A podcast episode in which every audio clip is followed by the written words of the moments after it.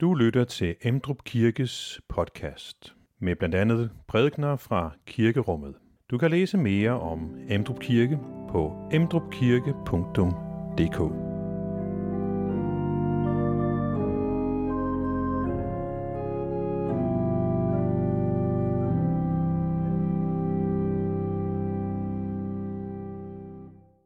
Øh, når vi er i sorg, så er der mange af os, der kan fristes af at tænke, altså kunne da Jesus, der ikke bare har grebet ind, kunne han ikke have hindret det her dødsfald? Hvorfor skulle den afdøde nu gå bort fra os? Og det er egentlig det spørgsmål, som to søstre i dag i teksterne står med, Martha og Maria. Øh, de tænker de sådan, de øh, er anfægtet af den situation, hvor deres bror Lazarus er død, og det er jo tæt på. Øh, og øh, hvis du sidder med øh, sorg og savn og sår i sjælen, så er det vores bøn i dag ved gudstjenesten, at du virkelig oplever, hvad Kristus kan give ind i den her situation. Vi skal også dramatisere teksten. Øh, vi har nogle medvirkende, som medvirker ved vores øh, G Plus gudstjenester og masser af god musik. Øh, og skal blandt andet også høre Herren er min hyrde, som er blevet brugt til salmer i bøn her i morges, og den indgår som motet i dag. Øh, så velkommen til det hele.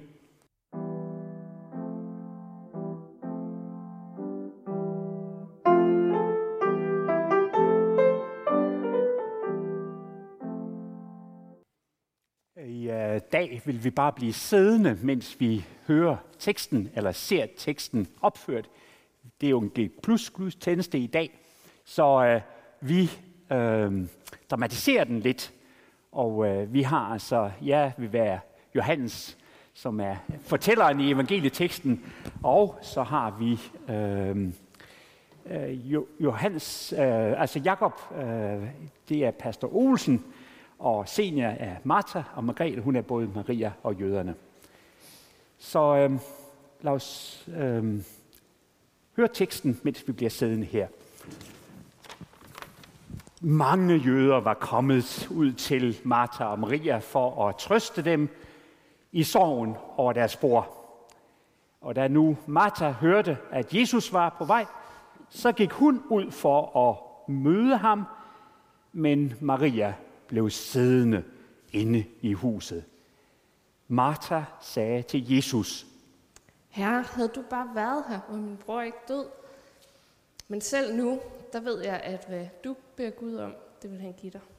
Jesus sagde til hende, Din bror skal opstå.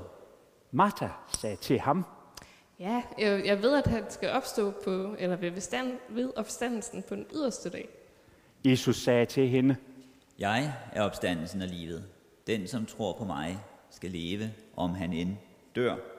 Og enhver, som lever og tror på mig, skal aldrig i evighed dø. hun du det? svarede, Ja. ja, herre, jeg tror, du er Kristus, Guds søn, ham, som skal komme til verden. Og da hun havde sagt det, så gik hun tilbage og øh, kaldte ubemærket på sin søster Maria og sagde, Mesteren er her. Han kalder på dig. da Martha hørte det, så rejste hun sig straks op og gik ud til ham. Jesus var endnu ikke kommet ind i landsbyen, men var stadig der, hvor Martha havde mødt ham. Jøderne, som var inde i huset hos Maria, for at trøste hende, så at hun hurtigt rejste sig og ville ud. De fulgte efter hende, da de mente, at hun gik ud til graven for at græde der. Da nu Maria kom ud, hvor Jesus var, og så ham, så faldt hun ned for hans fødder og sagde, Herre, havde du været her, var min bror ikke død da Jesus så hende græde, og så de jøder græde, som var fuldt med hende, så blev han stærkt opbragt og kom i oprør og sagde, Hvor har I lagt ham? Herre, kom og se. svarede de. Jesus bræst i gråd. Da sagde jøderne, Se, hvor han elskede ham. men nogen af dem sagde også, Kunne han, som åbnede den blindes øjne, ikke også have gjort, at Lazarus ikke var død? Der blev Jesus atter stærkt opbragt. Han går hen til graven. Det var en klippehul, og en sten var stillet for den. Og Jesus sagde, Tag stenen væk. Martha, den døde søster, sagde til ham. Men herre, han stinker jo allerede. Han har ligger der på fjerde dag. Jesus sagde til hende, Har jeg ikke sagt dig, at hvis du tror, skal du se Guds herlighed? så tog de stenen væk. Jesus så op mod himlen og sagde, Far, jeg takker dig, fordi du har hørt mig. Selv vidste jeg, at du altid hører mig, men det var for folkeskarens skyld, som står her, at jeg sagde det, for at de skal tro, at du har udsendt mig. og da han havde sagt det, så råbte han med høj røst, Lazarus, kom herud. Den døde kom ud med strimler af linned viklet om fødder og hænder, og med klæde viklet rundt om ansigtet. Jesus sagde til dem, Løs ham og lad ham gå. mange af de jøder, som havde været med hos Maria og set, hvad Jesus havde gjort, kom nu til tro på ham. Amen.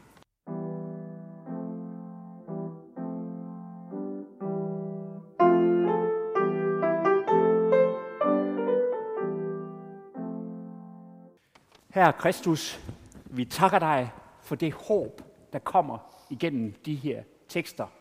Tak, Kristus, at du er opstandelsen og livet. Herre, må vi alle komme til tro på dig. Må vi hvile i opstandelsen på den yderste dag. Skab du håb, Herre. Amen. Hvad er det egentlig, der kan trøste mennesker? Øh, jøderne det her, de dukkede jo op fuldtallig. Rigtig mange mennesker. Øh, jeg har selv set det i den kultur dernede. Man stemler sammen, og man kommer for at deltage i sorgen. Og sådan var det også her den her dag. De kom for at trøste øh, Martha og Maria. Og øh, i Mellemøsten, der oplever vi jo ofte gråd, sådan i fuld skala. I har sikkert set det ved store begravelser øh, nede i, i Mellemøsten, altså hvor øh, der virkelig er hulken og stønnen og gråd, og øh, endda nogle gange så bliver støv virvlet op i luften, og alt det hele. Det er hjerteskærende. Sådan er det jo ikke hos os. Vi har jo en sund distance. Nu mange gange så tager vi døden i strakt arm, og så alligevel gør vi det nu også. Vi bliver jo dybest set alle sammen alligevel grebet af det, og kan næsten komme til at og, og, og græde for tårer, når vi tænker på dem, vi savner. Se, det der med en begravelse, det har vi jo lige set for nylig her. Vi har jo, altså, hele jorden, havde nær sagt, har jo siddet og kigget på fjernsyn i lange tider, og specielt den dag, hvor øh, dronning Elisabeths øh, statsbegravelse fandt sted. Og øh, vi har jo læst om de her øh, 8, 10, 12 kilometer lange køer, og folk, der ventede i 14 timer eller mere, bare for at komme ind til den der øh, korte tur rundt omkring øh, kisten øh, i Westminster Abbey. Og så har vi også set, at der er mennesker, der står på gaden i London og græder over den her dronning. Folk, der har rejst langvejs fra Kanada og alle mulige andre steder, som græder over, at vi nu har mistet den her person. Så vi kender det jo. Men altså, vi kender det jo også på det personlige plan. Øh, her øh, i øh, forsommeren havde jeg selv anledning til at øh, begrave min øh, svigermor, øh, Elinor. Og det var egentlig en, en gave fra Gud. Hun var reddet, og hun havde lagt alting parat med salmevalg og det hele. Og jeg fik bare lov til at dele hendes håb med den øh, familie og venneskare, som var samlet den dag. Men altså, vi har også andre oplevelser med døden jo. Selv der nåede jeg faktisk aldrig nogensinde at få rigtig sagt farvel til hverken min far eller mor. Da jeg blev forældreløs og ladt tilbage, så øh, kom jeg for sent. Og man kan jo altid, man sidder bagefter og tænker, hvorfor øh, tog jeg ikke et sted? Min far, han havde været sådan meget syg mange gange. Pludselig, så, så var det alvor, og så kunne jeg ikke nå at komme hjem. Og sådan var det også med min mor, som, som øh, øh, også døde i en ambulance på vej til sygehuset. Vi har alle sammen vores forskellige historier, som vi tænker på, og som berører os. Øh, og sådan er det også med, I ser teksten, der er forskellige reaktioner. Øh, der er jo Martha, som har hundetravlt. Hun er hektisk optaget af aktiviteter. Her, da hendes bror Lazarus er død. Og det er så lidt det modsatte til Maria, der bare sidder derhjemme og er ved at gå i, op i spåner i gråd og blive opløst i gråd. Og bare er fuldstændig fortvivlet. Og så er der lige ham Jesus, ikke? Uh, nu har vi ikke læst hele teksten, så øh, der er sådan en, en, en, en, en, en længere historie, som om teksten ikke var lang nok, men altså, øh, der står der, at han ventede et par dage, og de simpelthen, de står, skal, skal, skal du ikke hen til Martha og Maria, og, fordi Lazarus er syg? Men Jesus, han siger bare, nope, det skal jeg ikke, jeg skal bare vente, fordi at nu, det skal times anderledes, og, og de kan ikke rigtig forstå, hvad det er, han har gang i ham, Jesus. Så Lazarus, han er syg, og han dør. Stendød. Han når at blive begravet, før ham, Jesus, dukker op her. Så der er rigtig mange forskellige reaktioner i den her situation. Hvad er så teksten siger? Ja, det første, som den understreger, det er jo, at vi kan bede til Gud. Og det er Martha, der tryller sig til det håb. Hendes aktivitet, det går egentlig på også at fastholde troen og håbet på, at Kristus kan gribe ind. Hun er garanteret desperat, hektisk, travlt. Øh, ikke noget med at sætte sig hen og, og græde og trille tommelfingeren, men hun er bare travlt. Og da hun så endelig oplever, at ham Jesus kommer, så er det, hun siger øh, tydeligt til ham, det der ligger hende på hjerte, hvad du beder Gud om, det vil, eller beder om, det vil Gud give dig. Hun har åbenbart brug for, at han hjælper hende i den situation.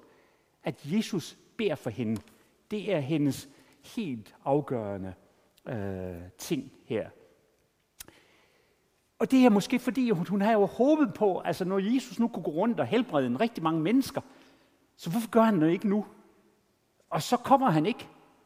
Og hun bliver mere og mere desperat sikkert, og tænker, hvad er der galt i, og, og beder så for den nød, hun så nu er i her, hvor hun har mistet det hår, hun ellers kunne regne med, troede hun. Det er nok sådan, hun har følt det. Så Kristus, hjælp mig. Og i samtalen, så kan vi jo se, at hun, hun øh, fastholder så også det ultimative håb, som findes her i verden. Det er jo det, at hun bekender for Kristus, at jamen, jeg ved jo, at du skal opstå på den yderste dag. Og øh, det, at, at, altså, der er håb for Lazarus og mig, øh, for os her i familien, for vi kan regne med de dødes opstandelse.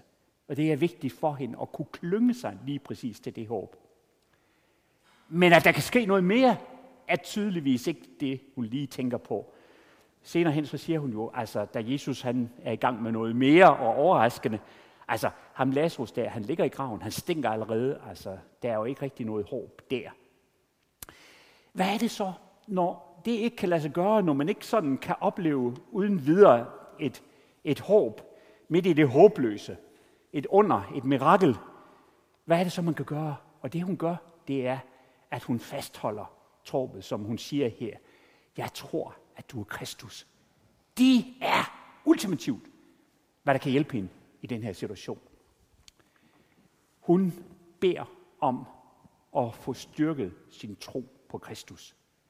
Nu kan Gud jo gribe ind, og øh, Margrethe har en rigtig dejlig fortælling om øh, min svigerfar, hendes far, Werner Olsen, som blev helbredt. Værsgo.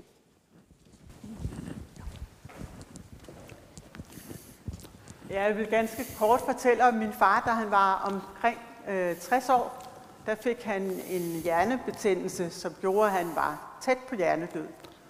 Øhm, både TC-scanninger og EEG-målinger viste, at han ikke havde nogen signaler, Der var ikke nogen signaler fra hjernen.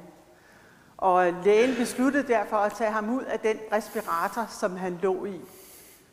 Han fortsatte med at trække vejret, men familien blev kaldt sammen, fordi at lægen han regnede med, at han var tæt på at skulle dø, altså min far skulle dø. Øh, min mor hun fik så fat i en præst, det var Ole Skabæk Madsen fra Bethlehemskirken, og han øh, salvede og bad for min far, mens familie og venner stod rundt om hospitalsengen. Mens han beder, så sker der et mirakel. Og min far han bliver helbredt. Han kommer til sig selv i løbet af en måneds tid.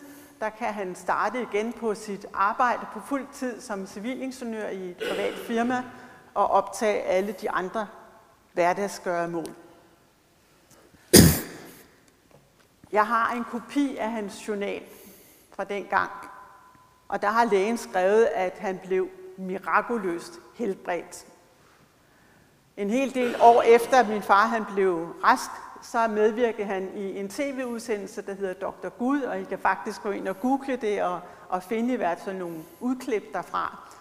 Og der er der en neurolog, som undersøger ham for at se, om det også er en virkelig helbredelse, og det er det også efter så mange år, så har han i, i fuld vi gør. Og han sagde, at det var meget usædvanligt, at man i dansk lægejournal kunne finde, at der stod, at en helbredelse var mirakuløs. Jeg kan også fortælle, at min far han lever den dag i dag og er 94 år. Og det er jo fantastisk, når vi oplever det øh, sådan i familien her. Øhm, og øhm, fantastisk, at kirken kan salve syge og bede om, at øh, Gud vil gribe ind, og vi oplever under, men ikke altid. Der er mange, der bliver salvet, og så øh, vil Gud det anderledes, så sker det alligevel ikke. Nå, nu strøg skærmen her. men øh, jeg må prøve at klare mig uden. øh, men øh, det kan jo ske, men det, det her med døde opvækkelse, det er noget, som, som så sjældent sker. Men her i den her situation her, der er det så, vi kan fastholde i hvert fald det fantastiske øh, med, at øh, vi øh, kan tro på Kristus, som siger, jeg er opstandelsen og livet. Den, som tror på mig, skal leve, øh, om han end dør. Og øh, det er jo et fantastisk korp, som vi kan regne med og trostyrkende for os øh, midt i den her situation. Men så er der en anden reaktion. Øh, der er den situation, hvor det bare går helt anderledes. Øh, og øh, det er jo der, hvor øh, Maria hun øh, er i opløst i gråd, øh, og øh, hvor hun ligesom ikke rigtig øh, kan se nogen udvej. Øh, vi har jo tidligere, øh, sådan for et par uger siden, der har vi mødt hende i teksten. Hun sad ved Jesu fødder og lyttede, øh, og hun var klar over, det var det ene fornødende var. Et par søndage siden har vi hørt det. Og øh, nu er hun så i en helt anden situation, opløst i gråd. Øhm, der står så i teksten, at Martha kommer øh, og øh, opsøger hende og siger, Mesteren er her og kalder på dig. Øh, det fremgår ikke af fortællingen for inden, men det, der er sket, det er formodentlig det her, at øh, der er den situation, hvor de to søstre har grædt sammen og har kæmpet sammen, og hvor Martha er fuldstændig klar over, at Maria hun er på grådens rand og ved at gå i opløsning over den her situation. Og ikke kan forstå det her med, at Jesus han ikke kommer og øh, griber ind. Så hun ved, Martha ved, at Maria skal have hjælp. Og derfor går hun så til ham og så siger, du skal hen til Jesus. Han kalder på dig. Nu kan du få hjælp. Hun sidder der passiv og i gråd, og der er de der mange grædekoner, som er dukket op. Øh, det er jo en vigtig beskæftigelse i Mellemøsten. Det er sådan mange steder, hvor man har sådan en sygelig optagethed øh, af øh, sensationen ved en døds, ved dødslejre. Altså det er sådan virkelig noget, der også nogle gange, så kan man endda få penge på det og den slags ting. Så hele setupet har været sådan. Og da de så opdager der, øh, grædkonerne og alle de andre jøder, som er forsamlet, at hun nu stille rejser sig op og går ud, og så tænker de, au, nu skal vi ud og se, hvordan hun klarer det ude ved graven. Så de skynder sig med hende øh, og efter hende ud til, hvad de tror er ud til graven. Men så er det jo så, at hun i stedet for kommer til Jesus. Og det hun så siger, det er det ene. Herre, havde du været her, så var min bror ikke død. Det er det eneste, hun siger. Det er bemærkelsesværdigt i teksten, at det sagde Martha også. Så det er noget af det, som de nok har gået og snakket sammen om, bare han havde været her, bare han ikke havde svigtet os. Martha har så travlt med at sige en masse mere.